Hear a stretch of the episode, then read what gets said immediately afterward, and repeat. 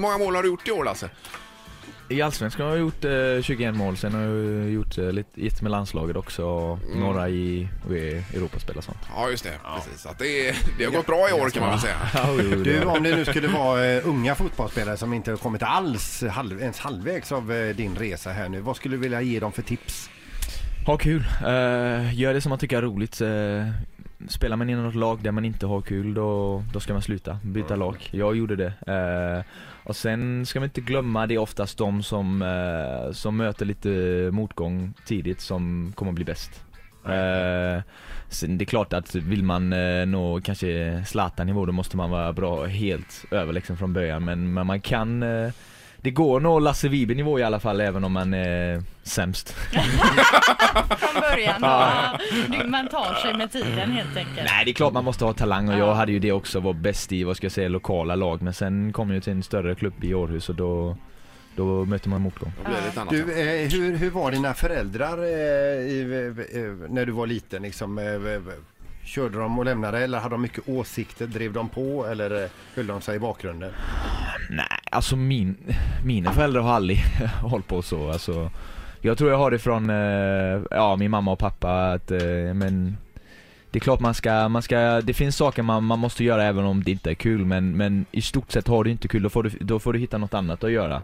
Eh, Det är klart det måste vara något bra, de var ju med och säger till och från också men jag fick ju, ja, fick ju göra vad jag vill i... Det är inte de som har drivit din karriär i Nej, alla fall. inte alls. Alltså, de stod alltid där och var alltid och kollade på alla matcher. De är ju sådana föräldrar som alltid har kört mig till allting och Mm. Ja, stått bredvid och sånt. Men de har ju aldrig, ja, men de har aldrig sagt någonting. Nej, alltså, nej. Det är inte så, pappa har aldrig stått och liksom skrikit på sillen och sånt. Han men- gjorde det nej, men- ibland, men då var det bara till mig. Då sa han, han vi hade sådana siffror han fick, han sa till mig för att jag skulle tänka positivt och sånt. Men det var ju ingen som fattade det. Nej, Nej, nej, nej. Stod och sk- skrek eh, 17 typ. Då skulle jag tänka, ah just det, vad var det för?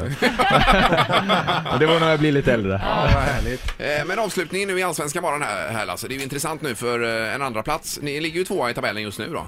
Är det två omgångar kvar väl? Är det? Ja, exakt. Ja, berätta lite vad, hur resonerar ni i laget nu för att ta den här andra platsen? Ja, vi har en uh, tuff eh, bortamatch på måndag mot eh, Helsingborg som Mm. har gått ganska bra. Svårslagna. ehm, så att det känns ju som eh, med det som framförallt Elfsborg och AIK, och de matcherna de har kvar känns det som att de kanske borde ta sex poäng i de sista två matcherna. Mm.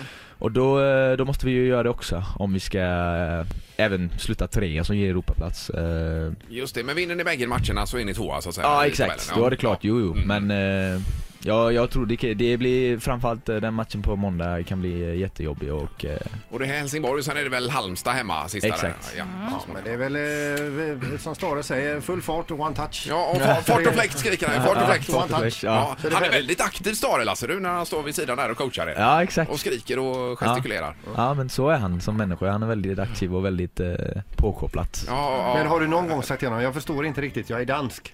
Ja, ja det, det, det har jag. Det var när han sa till mig att jag var en piggspelare. Eh, det, betyder, det betyder något annat på danska. Ja, Vi en ska inte- pigg. Ja, pigg. Vi ska, vi ska inte ta det här vad det betyder Nej, på okej. danska. Ja, just det, det får vi slå upp eller go- googla på det. Ja. Det är Nu, sa jag det lite fel också för att kanske ni kan slå upp det då. Ja, ja, det gör vi. Men underbart. Tack så hemskt mycket Lasse Vibe för att du kom hit och eh, lycka till i avslutningen av Allsvenskan. då. Tack tack. Ja. Ett poddtips från Podplay. I fallen jag aldrig glömmer djupdyker Hasse Aro i arbetet bakom några av Sveriges mest uppseendeväckande brottsutredningar. Går vi in med hemlig telefonavlyssning och, och då upplever vi att vi får en total förändring av hans beteende. Vad är det som händer nu? Vem är det som läcker? Och så säger han att jag är kriminell, jag har varit kriminell i hela mitt liv men att mörda ett barn, där går min gräns. Nya säsongen av Fallen jag aldrig glömmer på Podplay.